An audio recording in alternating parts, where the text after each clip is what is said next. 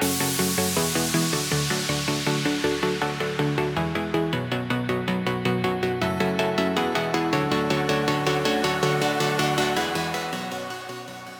semuanya, ketemu lagi sama gue Ditya Hadi alias Baca Buku Dan kali ini gue bersama seseorang yang spesial banget. Gue kenal dia dari komunitas Goodreads Indonesia Dari dulu udah lama Dan sekarang ada kesempatan lah buat ngobrol-ngobrol langsung Buat cerita tentang penerbit yang dia dirikan Jadi gue lagi bersama dengan Mas Roni Agustinus Founder sekaligus uh, pimpinan dari penerbit Margin Kiri Apa kabar Mas Roni? Baik, baik Oke, tadi ini gue lagi ketemu Mas Roni sambil uh, Mas Roni bisa ceritain nggak uh, sebenarnya margin kiri itu apa dan kenapa Mas Roni waktu dari tahun 2005 ya diriin margin kiri? Ya, uh, margin kiri itu ya ya penerbit penerbit kami dirikan dulu bersama beberapa kawan dengan ya katakanlah apa idealisme atau visi misinya adalah menerbitkan wacana-wacana yang selama ini dilarang atau tertutup di Indonesia pemikiran-pemikiran kiri dan juga eh, ya katakanlah pemikiran progresif lah nggak halus kiri ya. pemikiran progresif yang yang kami rasa bisa membawa perubahan positif bagi uh, masyarakat juga uh, sastra. Sastra selalu uh, menempati tempat khusus sejak pertama kami dirikan terutama sastra dunia. Kami ingin mengenalkan banyak penulis uh, dunia yang yang yang menurut kami harus dikenal pembaca Indonesia. Jadi emang waktu itu emang dirasa belum ada yang menjalani aktivitas seperti itu atau penerbit yang seperti itu atau enggak gitu? Enggak, kalau penerbit kritis atau penerbit kiri pasca reformasi uh, cukup banyak dan uh, saya sendiri terinspirasi atau ter, ter apa terpengaruh oleh mereka sebelum di margin kiri saya uh, beberapa terjemahan saya terbit di Insis Press, Resist Book ya. Tapi uh, saya merasa masih ada yang belum pas sekali gitu loh dari dari itu sehingga harus ada sesuatu yang baru lagi gitu ya yang benar-benar uh, sejalan dengan keinginan saya dan kawan-kawan. Oke, menarik. Jadi kalau aku baca-baca di website itu kan mau fokus ngomongin tentang hal-hal yang kritis tentang sosial, ekonomi, politik, uh. sejarah dan lain sebagainya. Tapi tadi ada apa statement juga kalau emang mau fokus di penulis luar negeri gitu. Kenapa? Uh, enggak, enggak luar negeri, tapi maksudnya uh, yang yang bagus bukan yang ya ya zaman zaman itu buku-buku lebih banyak didapati uh, sastra populer ya. Kami ingin mengenalkan sastra yang lebih serius gitu ya, ya, jadi uh, sebenarnya nggak cuma penulis luar negeri tapi penulis Indonesia juga mau ya, ya, uh, tapi uh, tentunya sebagai penerbit baru waktu itu kami lebih banyak menerjemahkan karena belum punya nama kan. Jadi cari naskah lokal kan agak susah. Jadi setelah dikenal memang kami dapat banyak tawaran naskah lokal tapi di awal-awal uh, tentunya lebih banyak terjemahan. Oke, nah ini menariknya nih kalau ngomongin penulis luar negeri gitu karya-karya luar negeri ada nggak sih cara membedakan oh oke okay, nih kayaknya bagus nih diterjemahkan ke Indonesia karena kan banyak hal-hal yang mungkin ah, mungkin nggak relevan mungkin kalau orang Indonesia baca ah ini apa sih nggak ngerti gitu. Ya uh, pada dasarnya sih tidak ada resep baku ya. Itu gabungan antara antara intuisi terus kesukaan pribadi juga. Ya mungkin ada pembacaan-pembacaan yang lebih objektif apakah temanya relevan nggak dengan dengan pembaca Indonesia atau apa. Tapi tetap aja pada akhirnya uh, intuisi lebih banyak berperan gitu ya. Tapi ada kayak strategi khusus nggak sih? Karena kan uh, kalau pertama kali nih penerbit uh, penulis di karyanya diterbitkan di Indonesia kan pasti banyak yang belum kenal nih. Beda sama orang Indonesia bisa kayak tour ke beberapa kota dan sebagainya. Ada nggak sih cara-caranya Margin Kiri sendiri waktu itu oh nerbitin penulis ini belum dikenal di Indonesia terus oh kayak gini nih biar dikenal gitu?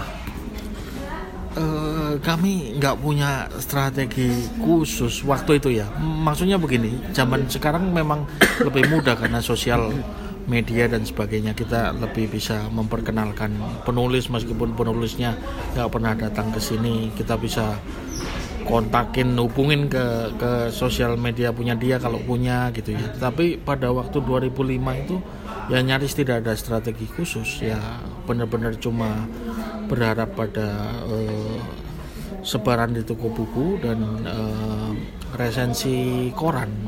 Karena waktu itu ya saya pikir koran cetak masih cukup dibaca waktu itu. Jadi bisa masuk resensi di koran cetak itu uh, berpengaruh besar. Oke berarti dan setelah era online ini baru nih mungkin masuk ke blog masuk ke sosial media dan lain sebagainya. Sekarang sekarang sekarang jauh lebih mudah untuk mempromosikan orang saya pikir. Nah berarti uh, waktu dari tahun 2005 sampai 2019 tuh sekarang masih kayak bertahan banget berarti dari demandnya sendiri emang sebenarnya ada ya orang-orang yang kayak mau baca buku-buku tanda kutip yang kritis seperti yang diterbitkan oleh Majin Kiri itu di Indonesia? Ya saya saya pikir uh, bahkan seharusnya kami lebih besar dari ini gitu tapi uh, maksudnya demandnya harusnya banyak ya saya pikir setiap anak muda yang yang jadi mahasiswa atau apa pasti pernah punya semangat untuk memperbaiki keadaan dan apa dan dan itu membutuhkan asupan gizi dalam arti bacaan gizi intelektual yang yang lebih itu melalui bacaan dan kami bertugas menyediakan itu gitu. Nah, saya soalnya pernah baca juga nih uh, interview Mas Roni sama media lain. Mas Roni sempat ngomong kalau nggak salah saya baca ya. Mas Roni itu ada mimpi untuk menerjemahkan dari setiap satu negara tuh ada satu menulis yang diterjemahkan oleh margin kiri gitu. Itu alasannya apa tuh Mas? Karena karena banyak uh, kawasan yang belum te, kita kenal gitu loh. Ada banyak kawasan yang belum kita kenal dan uh, apa ya yang paling gak dikenal tuh sekarang? Ya misalnya pernahkah kita terpikir uh, karya dari Madagaskar? Oh, iya. atau karya sastra Botswana misalnya? Uh, saya pikir itu menarik ya nggak tahu ya kalau orang lain ya. Tapi saya pikir uh, kita bagian dari komunitas dunia gitu. Kita ada kebutuhan untuk mengenal mereka seperti kita juga harus memperkenalkan diri kepada mereka gitu. Ya apalagi dalam konteks sekarang ya dunia yang semakin dipenuhi prasangka rasial dan sebagainya. Oh, upaya untuk saling mengenal ini menjadi lebih urgent saya kira dan salah satunya ya melalui sastra. Jadi pastinya di tiap negara itu pasti ada karya-karya yang menarik dan per, dengan perspektif yang berbeda ya Mas Rodi. Ya, saya, saya yakin meskipun tentu saja produksi literernya kalau kita bandingkan negara besar dengan negara miskin ya tentu tidak seimbang atau apa tapi saya yakin ada karya yang menarik dari tiap uh, kawasan kalau kita mau cari. Tapi kalau untuk saat ini kalau yang saya lihat-lihat ya Majin Kiri ini uh, rada fokus di daerah Amerika Latin. Nah ini juga kan uh, gue lagi gue lagi datang ke acaranya Mas Roni yang lagi ngebahas tentang Amerika Latin sama Gramedia. Nah kenapa sih waktu itu Mas Roni oke okay, ini kayaknya Amerika Latin oke okay nih apakah karena itu wah ada teman yang bisa nerjemahin atau melihat sesuatu yang menarik dari sana gitu? Ya kalau ini karena masih ke pengaruh saya personal ya. Uh, ya karena pengetahuan saya cukup dalam di situ saya tahu uh, nama-namanya bahkan bahkan mungkin keunggulan saya dibanding yang Gramedia misalnya Gramedia akan memilih nama-nama besar ya, margin kiri berani untuk menerbitkan nama-nama yang belum dikenal yang kami anggap uh, bagus gitu. Ya kalau kecondongan margin kiri ke Amerika Latin adalah uh, karena pengaruh uh, saya personal. Tapi saya harap uh, dengan saya punya sekarang punya rekan yang cukup tahu sastra Arab dan sebagainya itu bisa bergeser meluas bisa kapan-kapan mulai negara-negara uh, Timur Tengah jelajahin satu-satu. Uh, mungkin kalau ada yang paham sastra Afrika Berarti setelah ini akan kalau setelah Amerika Latin mungkin akan ke Timur Tengah kali. ya saya kami udah punya karya satu karya Lebanon moga-moga bisa terbit tahun ini terus karya Mesir dari Najib Mahfuz diterjemahkan dari bahasa Arab langsung yang kumpulan cerpen yang belum pernah dia terbitkan Nah, nih menarik nih. Mungkin saya pasti pengen banget baca-baca karya dari negara-negara itu, tapi kan ada yang nih soal penggolongan. Oh, margin kiri tuh banyak yang bilang, oh penerbit indie gitu, ada penerbit mainstream gitu. Banyak juga sebenarnya yang bingung sebenarnya bedanya penerbit indie sama penerbit mainstream itu apa sih, Mas Roni? Nah, nah itu uh, apa ya? Uh, saya sendiri juga bingung kan. karena begini, uh, setiap orang kayaknya punya definisi sendiri-sendiri yang kita nggak punya kebakuan tentang itu gitu loh. Kalau kalau kita pakai patokan Amerika ya penerbit seperti WW Norton itu ya sebutannya penerbit indie. Dalam dalam arti dia penerbit independen. Artinya independen adalah dia berdiri sendiri yang tidak terikat oleh suatu grup besar seperti Penguin atau atau uh, Harper Collins dan sebagainya yaitu WW Norton. Tapi bukan berarti dia cetaknya cuma sedikit. WW Norton itu penerbit besar sekali tapi dia independen. Nah, nah pengertian independen di kita itu yang bisa diartikan macam-macam. Ada yang mengartikan uh, penerbit kecil ada yang mengartikan uh, bahkan ada yang mengartikan bahwa itu self publishing gitu. Banyak juga yang nawarin naskah ke kita mereka mau bayarin oh, oh kita nggak bekerja dengan cara seperti itu. mas. Nah, tetap kita baca kurasi. Lo katanya penerbit indie ada ada yang mengartikan indie berarti harus self publishing gitu. ada juga yang mengartikan bahwa independen ya harus harus uh, temanya di luar yang mainstream. Ada juga yang mengartikan begitu. Jadi nggak peduli besaran besar atau kecilnya tapi kalau bisa aja penerbit kecil tapi menerbitkan buku-buku agama masa kita sebut independen kan dia bagian dari mainstream gitu. Ada juga yang mengartikan begitu. Jadi ya nggak tahu lah oh, setiap orang mengartikan. Dan Mas Roni sebenarnya nggak peduli dengan label-label seperti itu ya? Ya banyak juga yang mengatakan kami sudah mainstream kami apa me, mengurus copyright terus cetak seribu karena beberapa kawan yang yang indie di di kota-kota lain cetak bukan cuma 300 500 ya ya nggak penting juga lah labelnya lah. Yang penting tetap berkarya aja ya Mas Randi ya, ya? tapi bahwa kami menjaga kemandirian finansial kami dari pengaruh grup-grup besar ya. Ya mungkin kami independensinya di situ sih kami tetap bertahan. Nah kalau masalah margin kiri sendiri ada target nggak sih selama setahun tuh berapa gitu untuk buku yang terbit? Selama ini mengalir aja sekuatnya.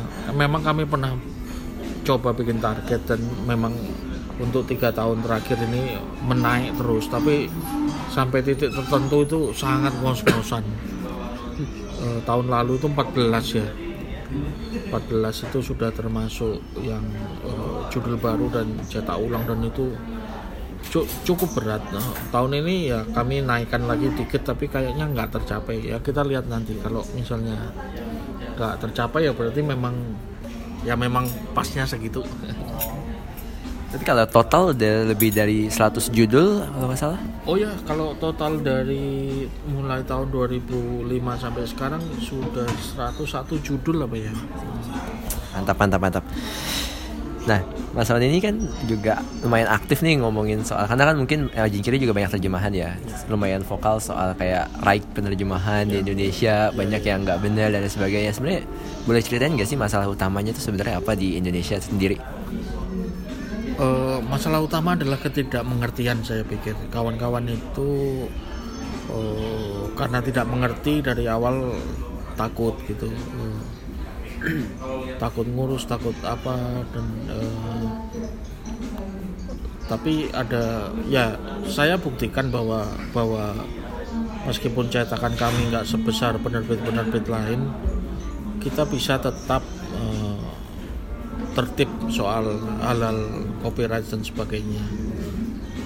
Saya pikir yang penting adalah komunikasi. Kita bisa komunikasikan mereka bahwa kemampuan kita memang hanya sekian eksemplar sehingga eh, harga untuk membayar copyright yang paling masuk akal sekian gitu. Itu ya ini bisnis semuanya bisa ditawar dan dikomunikasikan. Nah nah tapi terus sering kali ketidaktahuan itu tidak mau diubah malah di justifikasi oleh sikap-sikap seperti ah ini perlawanan apa kita mereka sudah kaya dan sebagainya. Ya saya pikir enggak enggak benar juga lah maksudnya kita di dunia semakin terbuka ini hal seperti itu gampang sekali dilacak kan ya. Dan ya kalau saya sih malu ya kalau kalau ketahuan maksudnya uh, ya kita berdiri sejajar lah dengan mereka sebagai sebagai pemain buku yang sama-sama berdaulat gitulah kalau kita buku kita dikituin kan kita juga nggak mau kan ya.